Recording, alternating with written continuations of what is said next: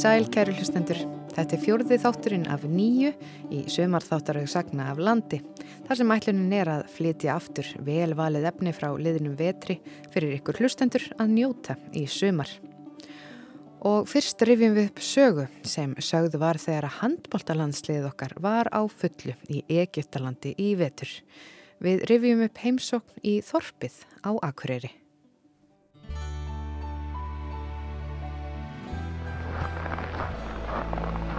Blesaður. Ástæðan fyrir heimsókninni eru fyrirlega bræðurnir Aron Einar og Arnur Þór Gunnarsinnir sem hafa gert það gott í sitt hverju boltagreininni, fótbolta og handbolta. Bara til okkur hérna. Aron Einar þekkja flestir fyrir að bera fyrirlega bandið hjá fótboltalandsliðinu og það var svo tilkynnt á dögunum að bróðir hans, Arnur Þór, væri nýr fyrirliði íslenska handbóltaliðsins sem að nú stendur í ströngu á HM í Egiptalandi. Við erum komin í heimsokk til Gunnars Malkvist Gunnarssonar, föður landsliðs fyrirliðana. Sko, uh, þá bara byrja á þessu, Gunni. Að nú ert þú kannski þekktastur fyrir að sjá þjóðinni fyrir afreiks íþróttamönnum. En mér lókaði svona þess að vita hver, hver ert þú og hver er, hver er Gunni Mall? Já, ég er náttúrulega uppalinn Akureyri bara. Það er mikill til þórsfjölskyldu. Og alltaf, alltaf verið mikill þósari. Ætti mín stopnaði félagi. Þannig að uh, það er ekkert skrítið að ég sé þórsari. Sem er það svo þau í þessari stopnun og, og hvernig þín ætti koma því? Já, aðal stopnandi félagsins hétt Friðrik Einarsson. Hann er bróðir afmins, eða var bróðir afmins. Og langafa mín er Þórs. Mal, uh, afi minn heitinn, hann var ekki stopnandi vegna sem var stattur á Siglufyrði þegar félagið stopnað. En síðar var hann formaði félagsins í Þannig að- einn, fjögur, fimm ár. Þannig að kom aldrei neitt annað til greina hjá þér en að vera þósari. Nei, þó ég eigi ekki að tala um það, þá var, þá var pappi minn fyrirhandi káamaður sko. En það breytti engu. Hann er ekkert nú að snúa þig. Það var ekkert sens. En varst eitthvað sjálfur, byrjaði sjálfur eitthvað í sporti ungur eða? Ég, ég hefði allar íþróttir. Handbólta, fótbólta, korfbólta. Það var náttúrulega þeim árum þá varst að vera í fleiri íþróttagreinum til þess að fá að fara oftar inn í íþróttahús. Sem voru ekki mörg. Hvar voru það að æfa á þessum tíma? Það var náttúrulega skemman og svo rafveitu skemman. Við byrjuðum það, maður byrjaði þar. Það var leiðindarhús. Það má ekki ekki segja frá því en það byrjaði að reykja. en hætti svo fljótlega. Af hverju byrjaði að reykja þar? Það var bara, menn voru bara að fykta. Í tengslum við íþróttirnar eða? Nei, kannski ekki við tengslu í Íþórna. Það koma alls konar strákar inn og þá náttúrulega leitti eitt og öðru. Þá var ekkert orðin þessi rosalega umræðum að hvað þetta verið agalega skadsamlegt. Þetta bara þótti nú nánast holt á sín tíma eða ekki? Það segi ég nú ekki.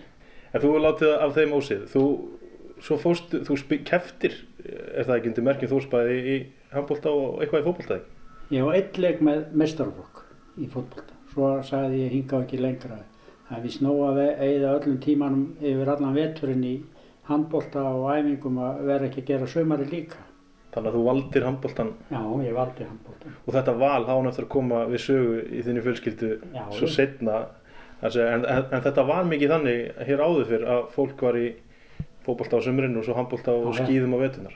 Það, eh, það voru margir eh, að þeir sem voru að spila með mér á fyrst þarna í, í mestarloknum að þeir voru bæði handbólta og fótbolta og þá var- við sögðum nú alltaf að það var einu bara því að þeir ment ekki að taka undirbúinstímabilin þegar þeir slupp alltaf við þau Já, útihlaup og, og svoleiðis. Já, Varst þú einn af þeim sem var svona klókur? nei, ég var ekki svona klokkur En þú, þú spilaði lengi vel eh, fyrir Þóri í handbóltan Allir ég ekki, ég er rúmlega 500 leiki með Þór og varstu lungin.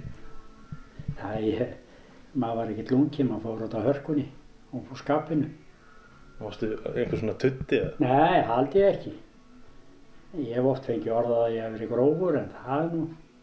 En svona lítill stuppur eins og ég er til þess að gera sko, miða við þessar lurka, þá, þá var maður að vera nokkuð fastu fyrir. Það er eins og eitt góður handbóltamæður sagði mig, þú helvítið þitt, þú fer alltaf í andlit á mér. Hvað á ég gerir, nei ekki herra, sagði ég við hann. Þetta var Alfred Gíslason. Að þú þurft að láta finna þess fyrir þér. Já, ég barða hann aldrei. Ég fór með lóan. Kla, klappa árunum Já. hans. En hann var nú í hinuleginu hérna á Akureyri. já, já. Og hvernig voru þessar rimmur í gamla daga mellið Þórs og Káa?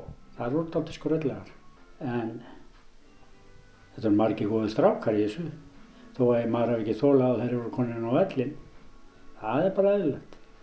En svona, svo ferðu sjálfur út í þjálfun, er það ekki, þegar, þú hættir í, í boltan? Jó, ég var að byrja að þjálfa þó að ég væri að spila líka, sko. En ég þjálfaði þetta alltaf mörg ár og marga stráka. Og þar á með þess að tvo þannig sem að umræðan snýst aðeins um. Já, þú fórst... Og með þess að þjálfaði þig. Já, þú gerðið svo, svo fræð, þú tókst nú ekki að gera mig að atvinnumanni eins og, eins og suma, þú það er reynd, ég veit ekki hvort að það liggi á mér eða þér, en uh, þú átt nú slatta börnum, Já, já. hvað eru þau orðið mörg? já við, við erum sex börn.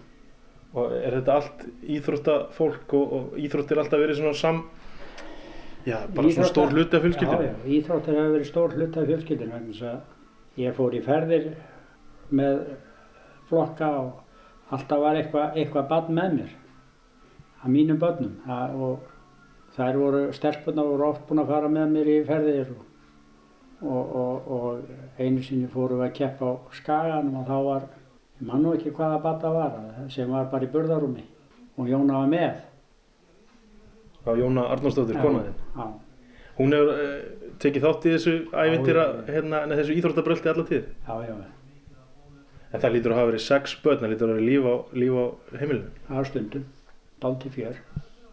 Og allir, allir freka virkir í, í sporti.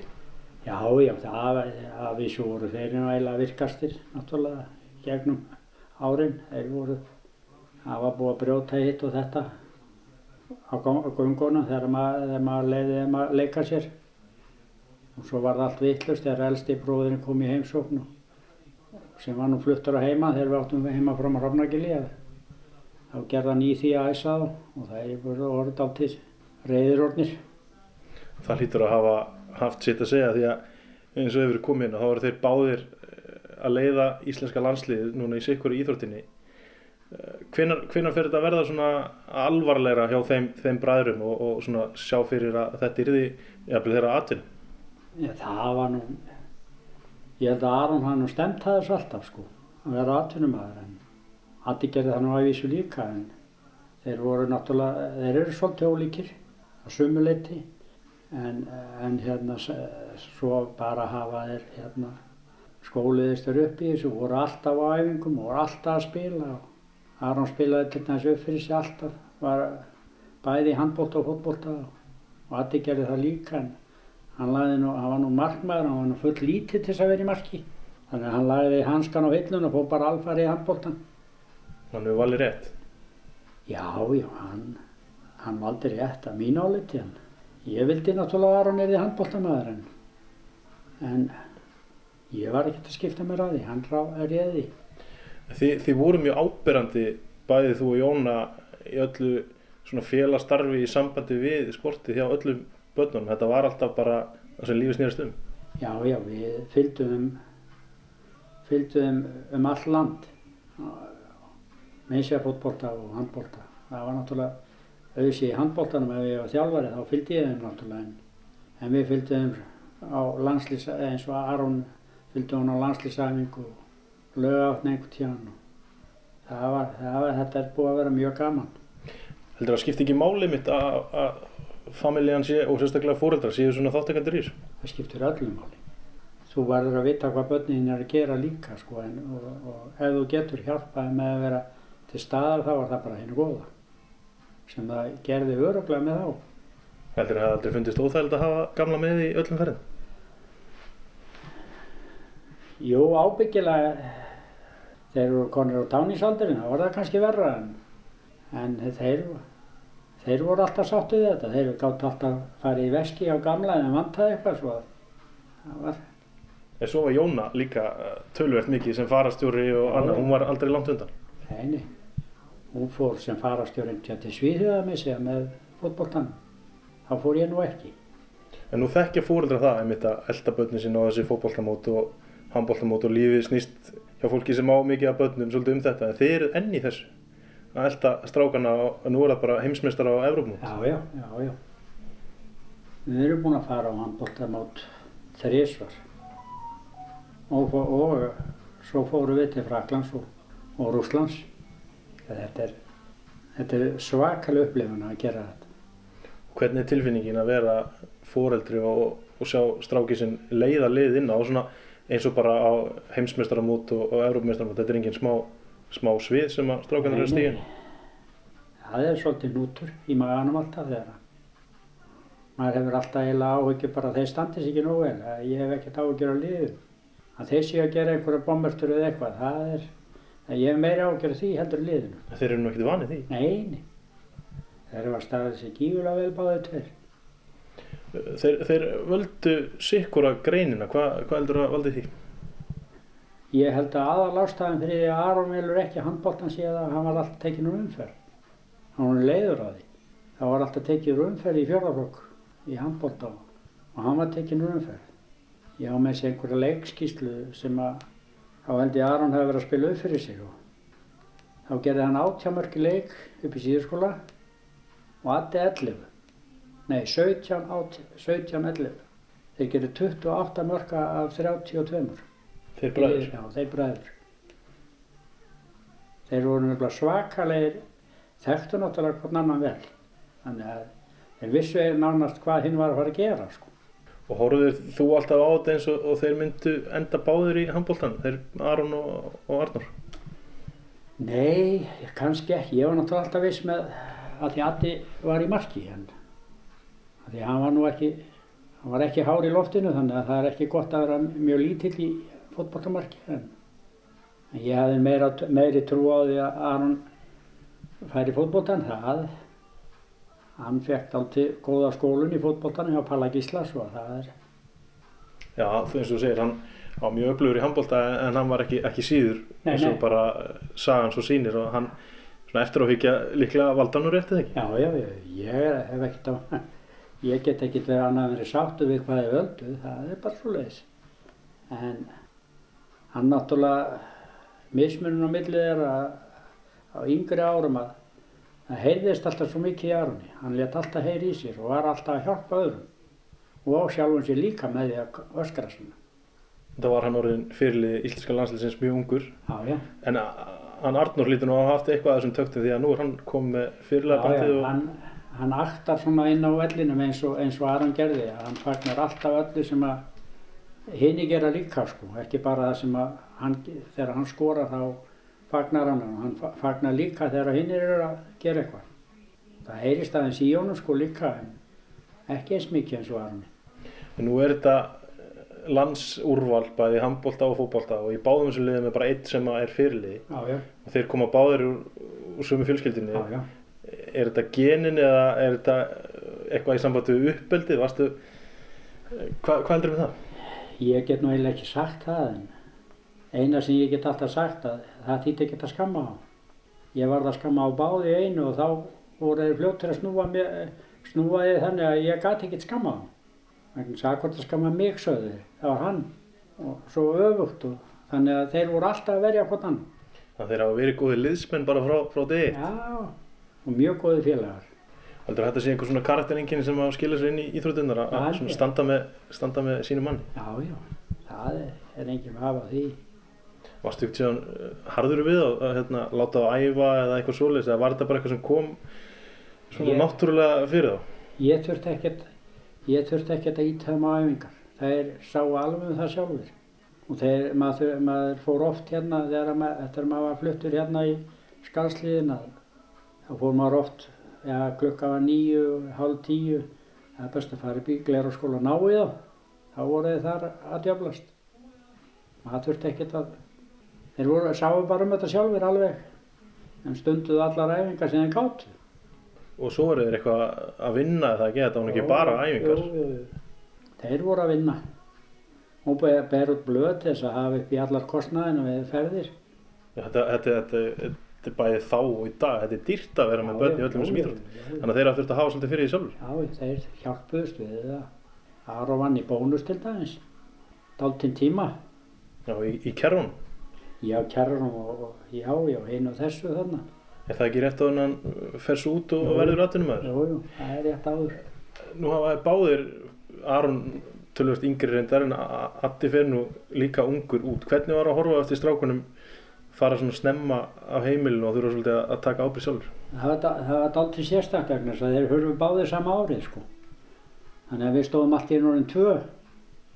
Að það var dálítið erfitt en við vorum duglega Addi fór, fór nú suður þá og spilaði með val og, en Aron fór til Asetta í Hollandi og við vorum bæði duglega að fara suður og leiki hjá Adda og, og svo út. Við þekktum orðið marga varaliðs velli í Hollandi sem að gamla kerði eins og herfröðing geti GPS tæki og við alltaf rötuðu á rétta staði samt þó að við höfum aldrei komið að náðu sko.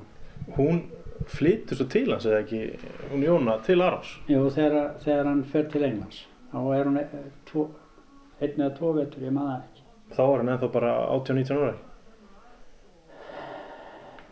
Þess ég ekki er rétt að vera tvittur þegar þetta er. Þurfti þá mamma stígu inn í og, og fara að leipa inn eitthvað? Ég held hún hafi gert það já, einhverju leiti. Þess að allt í einu var til fullt af peningum og strákur sem að hafði ekki, við þurftum að senda pening til Hollands til dæmis, þess að hann geti lifa. En svo þegar hann kemur til Englands að þá allt í einu hrúast inn peningar eins og í þeim skilningi að með að hvað hann hafði. Þannig að hún var aðeins að reyna að halda utanum hann. Þannig að hún var send út og, og þú varst þá bara Nei, einn í gotinu. ekki, hún var ekki send út, heldur baðan hann að koma út til þess að hjálpa sér. Sem var held ég mjög góð ákvörðin á hann. Það er ekki staðið á svörum, hún er Nei. bara tekið næstu vel. Já, já, já. Þetta, var- þetta er bara eins og hún hefur gert þegar að kemur kall frá þeim þá fer hún til þeirra til þess að hjálpa þeim. Hún hefur gert það nokkur sinnum. Þetta hefur vantilega orðið til þess eins og segir því að fara á allskyns mót en þegar þið ferðast út um allan heim til þess að fylgjast með þeim. Það lítur að það bara hafa verið skemmtilegt fyrir ykkur. Já, þetta er mjög gaman. Það var mjög sérstætt í ekki, við vorum nú í Annesí þar sem landsliðið var með aðsettur. Hittum hann, hann gæti eiginlega ekkert að efta því hann var middur. Svo við, með sig að grilluðu við til hann lambakjött sem ég hafði með frá Íslandi bara út í gardið þarna þar sem við vorum með gistingu og ég held að við höfum verið einu tólf þarna saman í, úr ættinni. Þetta, þetta er stórætt sem að fylgjast vel með þeim, Já, þeim já. bræðurum. Hún er dátt stór. En nú eins og við hefum komið inn á þar, velja þér sikkurt, sikkura íþróttina. Hv- Hvar stendur þú í þessu? Hva, he- hefur þú meira gaman að handbolta heldur en fótbolta þegar þú varst sjálfur í því? Já, það skeður eiginlega ekkert í fótbolta löngum stundum, sko. En, en hérna, ég, ég er mikið gaman af fótbolta líka, sko. Ég fer á alla leiki, ég, ef ég get það, hjá Tór. Og, og horfi á mikið á enska boltan. Þannig að ég, ég fylgist mikið með fótbolta. En handboltin alltaf nummer eitt þér. Handboltin hefur alltaf verið nummer eitt. En ég veit ekki hvort ég á að segja það nokkuð. En það er mjög gaman, í, gaman að fylgjast með fótbolta út um allan heim sko. Það er til dæs mjög auðvelt fyrir mig að fylgjast með leikjana á Aron. Ég er bara í tölvun og uh, þá er bara stöð í, í Dóar í, í, Katar sem að ég fer inn á og ekkert vandamála. Þetta er allt frýtt. Að það er auðvelt að fylgjast með í Já, dag, já, öllum já. leikjum og... Já, já, já. En hefur nú býr Aron eins og þú segir, í Doha í Katar, hefur þú kíkt á hann? Já, já, ég skrapp þangað í, í mars á síðast ári og kom deginum áður en að maður átti að allir að fara í sótkví en og þeir voru að vísu búin að loka þátti mikið þar svo að það var ekkert maður var eiginlega í sótkví þarna hjá honum í, í 14 daga Þannig að þú komið hann rétt, eða svona rétt þegar COVID ástandið er að byrja. Nei, Hvern- það er byrjað sko en, en, en þetta var, þetta var dálítið sérstætt sko eins og að fljúa frá Dóar til, til hérna London að í, í stór, stórum Boeing flugvel og, kjaft full og allir með grímur og allir að spritta og, en maður slapp. Hvernig er þarna úti í Katar? Er þetta eh, staður sem þú getur hugsað að búa? Nei, það var heitt fyrir mig. Það varstu bara inni. Já, svona, það var alltaf að sitja í skugga, sko. Og með eitthvað kallt að drekka? Já, já, já, já. það var, var að hafa eitthvað kallt að drekka. En uh, nú er heimsumistaramótið í fókbólta að byrja, nei, í handbólta segja, að fara á staðum helgina. Hvernig svona líst þér á það? Mér líst bara vel á þetta. Það, þetta er slemt að hafa ekki Aron Pálma þarna. En þetta eru fullt af flottum strákum sem eru komnir á þinn. Ungi strákar sem eru þrælgóðir. Þannig að ég er bara bjart síðan á það. Við förum upp úr riðlunum. Hvað við náum langt, það er... Þannig að þú hefur engar ágjur af stöðinu? Nei, En þegar þú ert að horfa hérna, nú sitjum við hérna heima þér með, eins og þú segir, þú getur horta á allt. Hvernig ert, ertu þessi típa sem lappar um gólf og hefur hátt og rífur kjáft eða ertu alveg rólegur þegar þú ert að Ég er horfa? tiltölulega rólegur þegar leikurinn á stað. Ég frekar svona spenntur áður en þetta byrjar en svo jafnaði ég mig. Og er það eins þegar þú ert á vellinum eins og þú fórst á strákinn á heimsmeistaramótinu? Já, Ég er tiltölulega rólegur. Ég er mikið hæstari þegar handbóltileikur er í gangi heldur en fótbólti. En ég er ekkert, ég, ég öskra ekkert mikið á dómarórið. Þú tætti því? Ég gerði það þegar ég var þjálfari svo það var alveg nóg fyrir mig. Hefur það ekki upp á sig? Nei, Herri, ég þakka bara að kella fyrir spjalli, Gunni. Á voru landi er verðt að ræða um og fólk að fræða um. Lífið er bræðralag, lifið sá andi. Við lútum höfði þakkar skuld Hér liggja gamal grónarætur Ég gleymi aldrei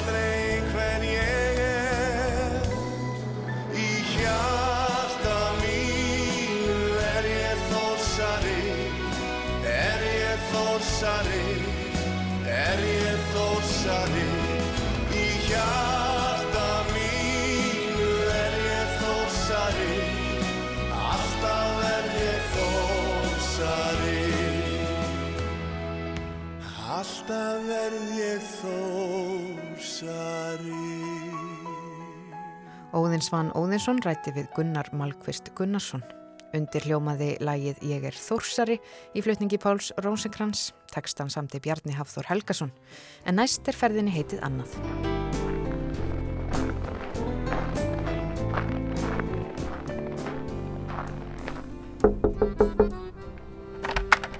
Sæl og blessaður. Sæl og blessuð, gakt í bæinn. Takk fyrir. Hálf kallt úti. Já, ég minn einu. Við erum komin í heimsók til skáldsins og þýðandans Þórðar Sævars Jónssonar sem undafarið hefur kafað ofan í sögu vesturfarans og alþýðu listamannsins Guðjóns R. Sigurssonar. Guðjón fættist að hömrum í Mýrarreppi í austur Skaftafellsíslu 27. april 1903. Fóraldrar hans voru hjónin Runolfur Sigursson frá Svínafelli í Öræfum og Steinun Jónsdóttir frá Otta á Mýrum. Þegar Guðjón var tveggja vekna gamall fluttu þau á samt þremur börnum til Kanada í leitað betri lífskjörum. Guðjón var þins vegar eftir, fyrst hjá ömmu sinn og afa en síðan ólst hann að mestuleiti upp hjá Ingunni, móður sýstur sinni og manni hennar, einari Þorvarðar sinni á Brunnhóli í Mýrum.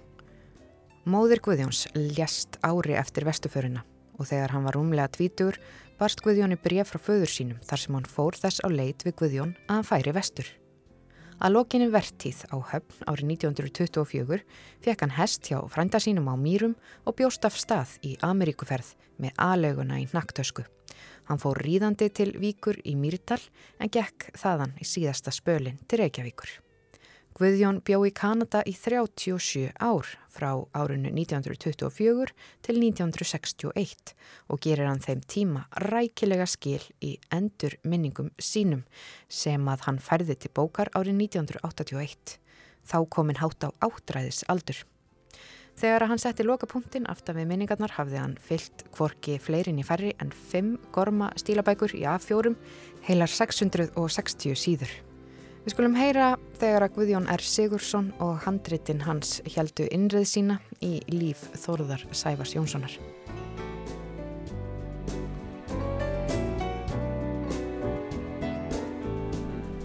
Sko, það er saga að segja frá því ég hérna ég og Þorgunur, kærasta mín við ákvaðum að flytja til flytja austur til Hafnar í Hortnafyrði 2018 við hérna vorum búin að búa í bænum í þó nokkur ár og langaði að breyta til og, og Þorgunur er þaðan, ólst þar upp.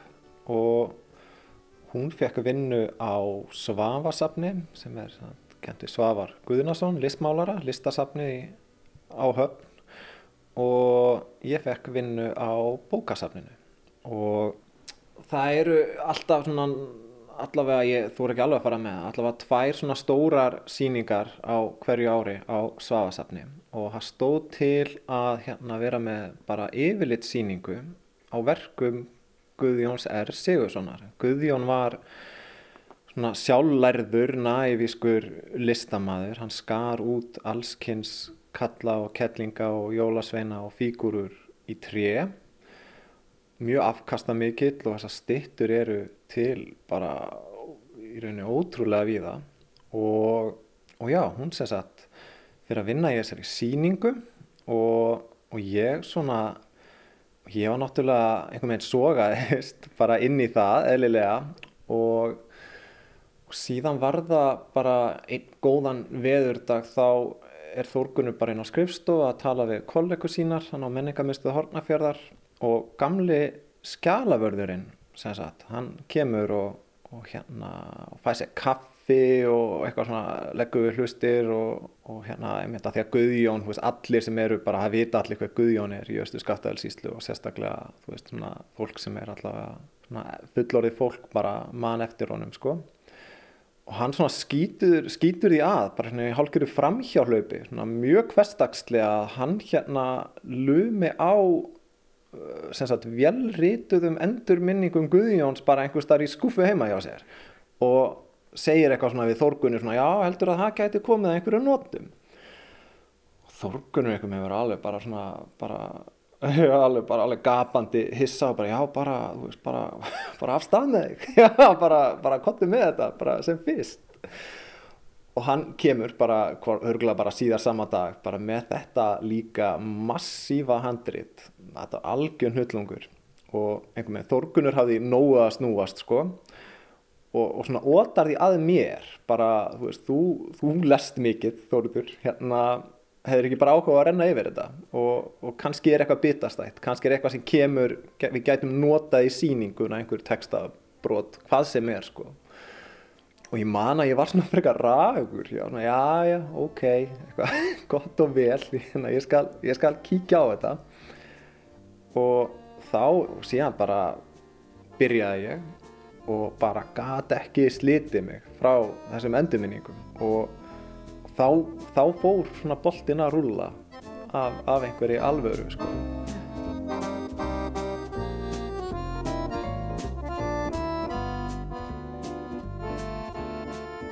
Þú sagðir að allir þarna í austur skaftafell síslu þekkja, já svona, þeir sem kannski eldri eru og margir þekkja til hans Guðjóns. Þekktir þú, vissur þú eitthvað hver þetta væri?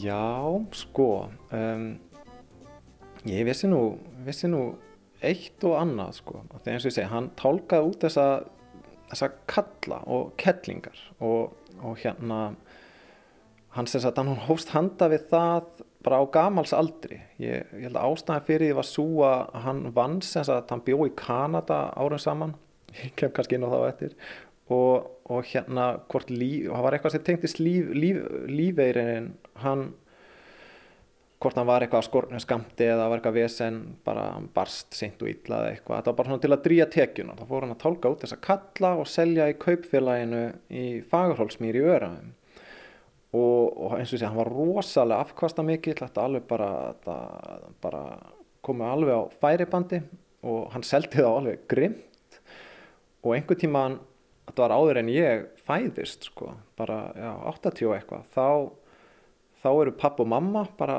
að keira hringin í kringu landið koma við í fagurhólsmýri. Ég veit ekki hvort þau hafi stoppað gaggjart til að kíkja á stittunar bara að taka bensína eitthvað og reka augun í, í stittur og hérna og þau kaupa þessar tvær fínu stittur af svona móður, það er móður sem hérna með lítið bann og, og, og kallinn hennar. Það er, það, eru, það er kall og kona og tvö börn. Og, og þessar styttur þær hérna þær hérna voru alltaf í öndvegi bara þegar ég var lítill. Þannig að ég ólst upp með þessar styttur fyrir augunum og síðan hef ég líka bara í raunin alltaf áhuga á eins og svona næviskri sjálfsbrottinni list þannig að jújú, jú, ég vissi alveg ég vissi alveg svona ég vissi hver hann var sko. Já. Svona þessari alþýðu list. Já. En ég sé hérna í hillunni baku okkur að þú ert með þessar styttur hérna á heimilinu þínu. Getum við aðeins kíkt að þar? Já, endilega. endilega. Hérna er kjarnafjölskyldan. Hér er alveg vísitölu fjölskyldan, akkurat og hérna og hérna, hérna er heimilisfæðurinn hann er í einhvern grænum, grænum jakka og leiðir, leiðir svon sinn, hlutföllin eru svona skemmtileg, hendunar eru í, í stittri kantinum og, og hann laði mikið upp úr, það er allir mjög hárprúðir og, og með svona allir mjög hárprúðir hjá hann Guðjóni. Já. Sérstaklega eiginlega unga barni sem er með sko hári eiginlega nýra á Svona þetta er eins og fermingabann, hár nýra á ras. Já, hann, hann liggur við, sko, hann liggur við og kallanir eru oftar en ekki með mjög svona ræktarlegt yfirvaraskegg og, og hérna, hann tálkaði út jólasveina sem voru margir hverju mjög skrautlegir og hann málaði sagt, málaði flestar styttuna sínar í svona, já, oftar en ekki svona björtum, fallegum litum. En svo er það mertar undir það ekki. Jú, þær eru, þær eru mertar, nefnilega Guðjón R. Sigursson, Fagurhólsmýri, sími 9781647.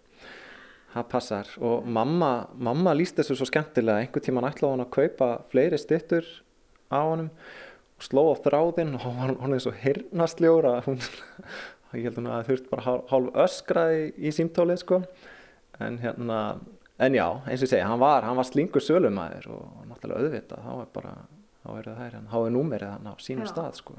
En tókst henni mömmuðinni að verða sér út um fleiri styttur? Eða, eða náðust skilabóðin ekki gegnum símtólið? Nei, þetta, þetta farið eitthvað, nei, það, þetta hefur ekki skilað sér held ég. Því þetta er, ég veit ekki betur en þetta séu einu styttuna sem pappa og mamma keftu. En síðan er svo gaman að, að, að þegar, þegar þessi, þegar þessi hjól fór að snúast, þessi Guðjón hjól og ég fór alveg að sökka mér í þessar endurminningar og, og, og, og þórkunir í sýninguna, þá þá held ég að þá ákvaðu þau að skömmu síðar þá flytjum við til Akureyrar og þetta er innflutningsgjöfin okkar, gömlu styttunar frá sem, gömlu styttunar sem papp og mamma keftu af Guðjóni. Já. Eru þið bæði uh, skutu hjúin húgt sagt á Guðjóni? Já, við erum alveg ótrúlega upptekinn af Guðjóni og hann einhver megin Já, þetta er eiginlega svona dálítið fyrir og eftir Guðjón, sko. Hann er búinn að vera ótrúlega fyrirferðar mikill á þessu heimili.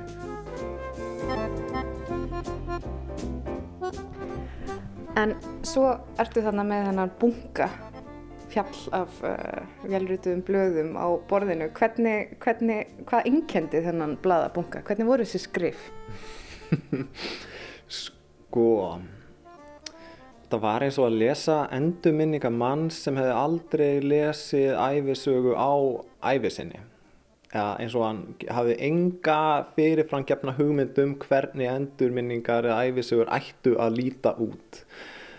Það eru, sem sagt, sagan hefst bara á byrjunni og bara hann lýsir, bara, bara hann, fæð, hann, sagt, hann er fættur 1900, fættist 1903 og hann lýsir uppvakstar árum sínum í Östur Skaftafellsíslu og, og hann flytur sem sagt til Kanada 1924 og er þar í 37 ár og verkinu líkur á því að hann siglir alkomin heim árið 1961 en samt, hvað einkenn er þetta? Þetta er sem sagt hann hérna það er bara, bara alveg svona uh, óbeistluð frásagnar gleði þetta er algjör doðrandur þetta eru 130.000 orð og, og það er alveg sko úir allt og grúir af út úr dúrum og skrýtlum og hann á oft á tíðum bara í stökustu vandræði með að halda sig við efni þú veist, hann bara hann veður úr einu í annað og, og hérna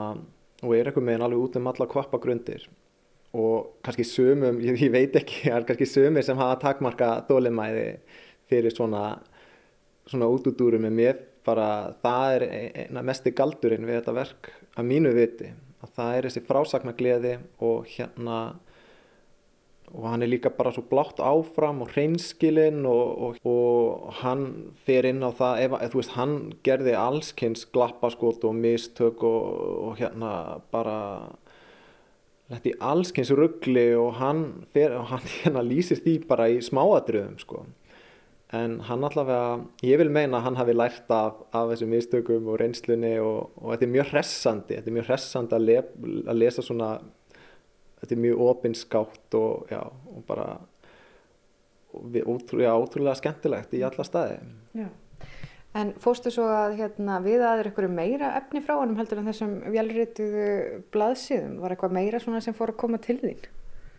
Já, svona ég náttúrulega ákvað bara ég náttúrulega bara heldi mér í smá rannsóknarvinnu þegar þetta handrit bara byrtist og, og hérna og ég komst að því að hann skrifaði endurminningar sínar í byrti sem sagt mánaðilega í 31 mánuð þá byrta hann endurminningar sínar í tímaritinu Heima er best frá 1974 til 77 þannig að það er nú eitthvað til á prenti en þær endurminningar eru sem sagt þær eru þær eru svona efnislega, jú, mjög svipar og það sem kemur fram í, í, í endurminningunum en það er greinilega búið eiga dáliti við textan, það er búið að hafa einhver, einhver, einhver vandvirkur yfirlesari verið þannig hjá heimaði best sko.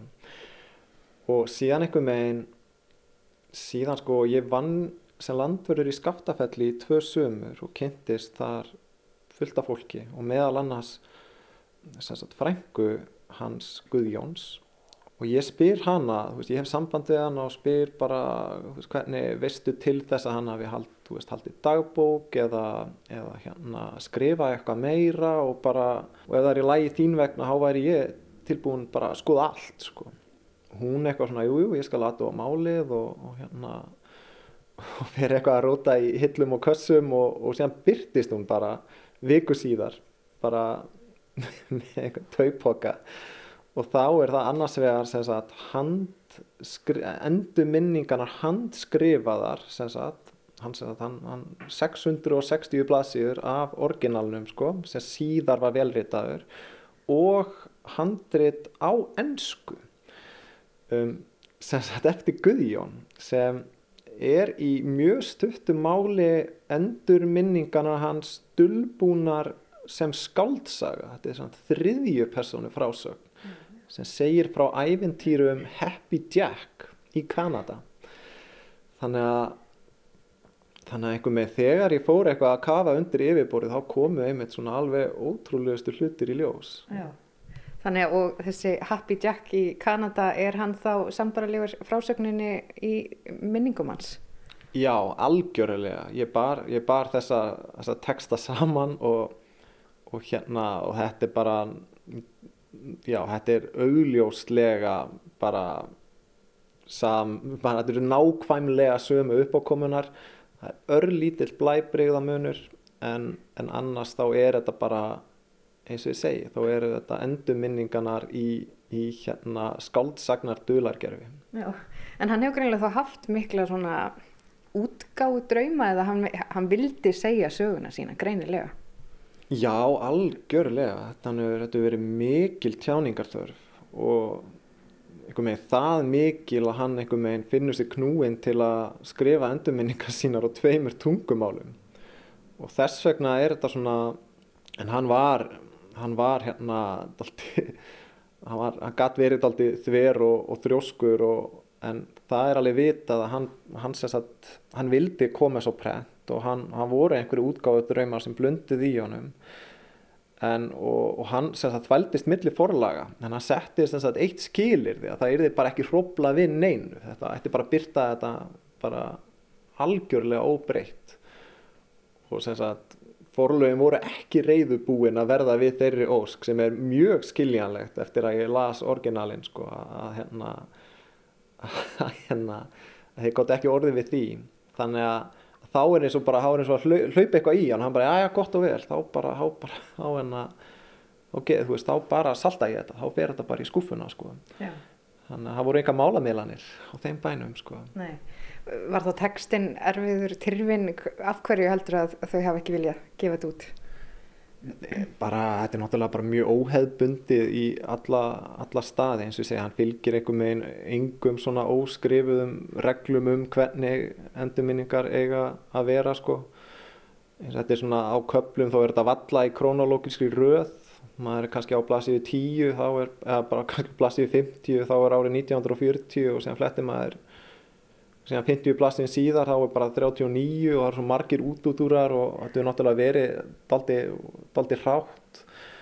Síðan bjóðan það lengi úti. Hann er til dæla ungur þegar hann fer til Kanada og er, er hann að bara hætnar fjóra áratögi og, og hérna og hann var í rauninni þú veist hann var hérna hann, hann talaði sagt, íslensku alltaf með miklum framburði eftir hann. Og, og hann bara það er kannski eitthvað svona þessi íslenskan hefur eitthvað skólast til hann á úti sko, hann náttúrulega og ætla hann hafi, ég held hann hafi hreinlega verið rítfærari á ennsku þannig að þannig að það er allt, veist, það er allt morandi af ennsku slettum og svona serviskulu orðalægi og, og, og hérna og slíku sko. En, en eins og, já, en, en það er líka það er líka svona það sem ég fannst alltaf töfrandi við við þessa frásögn og það kvallar ekki að mér að breyta eins og ennsku skotnu og svona, og svona óhefbundnu orðalagi og slíku. Já, og þegar þú ert búin að skrifa þetta upp, er það ekki? Jú, ég sem sagt, ég fekk styrkur kvískerjasjóði sem sagt, sem er hérna sem í minningu sískinina á kvískerjum í öraðum til að búa þetta handri til útgáfu og ég sem sagt á, tók, á, tók þá ákverðuna að, að það væri það væri eiginlega, eina viti væri bara að slá þetta inn bara í Word, bara orð fyrir orð og leiðir þetta jafn óðum. Og, og það var, var mjög seinlegt og tók óheirilega langan tíma en hérna en hérna, en jú, já, það tók mér nokkra mánuði og, og hérna, nú er þetta, nú, núna er þetta, nefnir, núna er svona allavega greinamerkasetning og stafsetning og, og þessi svona það er allt, já ég færði það allt í betri vegar en eins og ég segi ég, ég reyndi að hrópla eins lítið mhm. við svo ég mögulega gæt Já, þannig að karakterinn hans og öll hans enkenni eru þarna alveg kýrskýr Já, og bara og röddinn röddinn hans, af því að hann, hann, hann er með mjög sterka sterka rödd og ég vildi hérna ég vildi að hún fengi að halda sér mm -hmm. Og ætlar að gefa þetta út? Það er planið, það er planið ég hérna, ég bara til dæla nýbyrjar í útgefandaleit og vonandi bara vonandi er eitthvað forlag bara til í þetta eins og ég bara þetta verður, þetta verður að koma út svo Já. mikið er vist Þannig að þú ert svona bínu eins og Guðjón eiginlega lappanda millir forlaga með handritið undir hendinni Já, akkurat, einhverjum 40 árum eftir, eftir að 40 árum eftir Guðjóni sko, þá hérna tekið upp, teki upp þráðin sko. mm.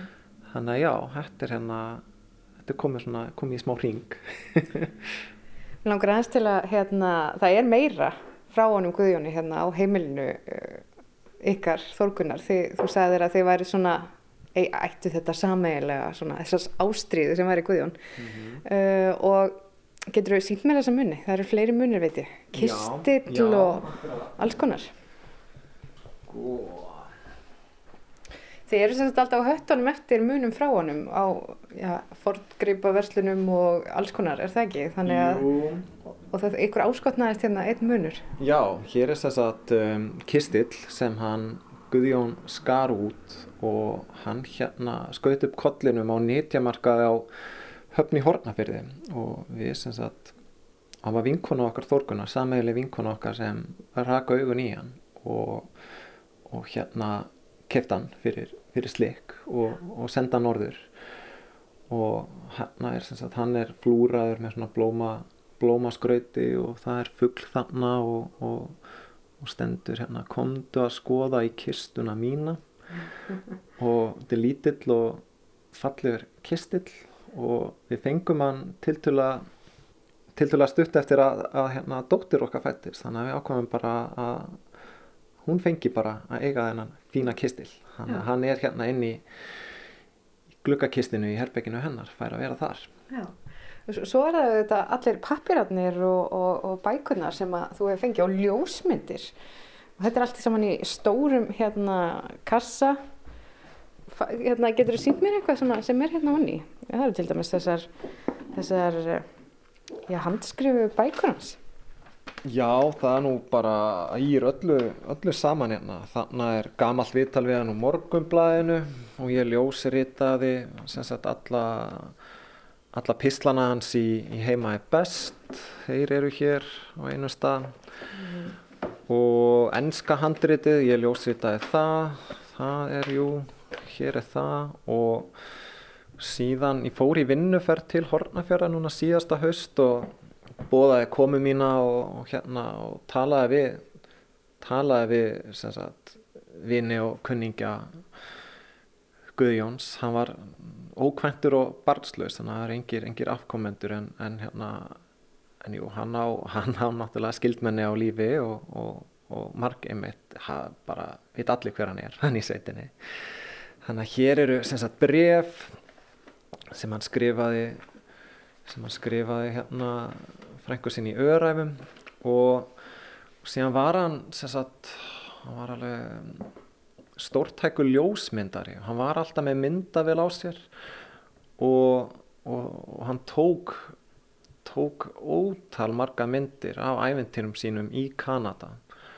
Og sagt ég fekk leifi að, til að, til að taka nokkra velvalda myndir með mig norður til að skanna og stúsa þess í þannig að þegar hérna þegar þessi bók lítur dagsins ljós þá verður vonandi, vonandi bara fullt af ljósmyndum frá, frá hérna árum hans í Kanada Það er ágætt að ljúka á þessum orðum. Takk fyrir spjallið Þórður Sævar Jónsson og gangiði vel að koma honum á prent honum Guðjóni.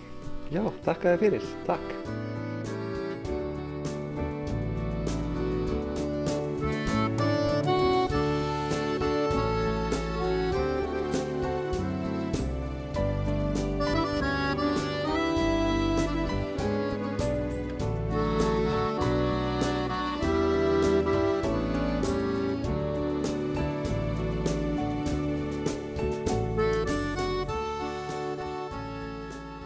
Þarna var rifjuð upp heimsók til skáldsins og þýðandans Þórðar Sævars Jónssonar sem frætt okkur um alþýðu listamannin Guðjón R. Sigursson. Þess má geta að hann Þórður Sævar er búinn að finna útgefanda að þessari vendarlegu bók og því munu áhuga samir geta lesið allt um ævintýri Guðjóns áður en langt um líður. En þá er komið að lokum í þessum þætti í sumar útgáfu Sagna á landi þar sem rifjaðar voru upp valdarsögur frá liðnum vetri fyrir ykkur hlustendur að njóta í sumar. Við þökkum þeim sem hlýtu, lifið heil.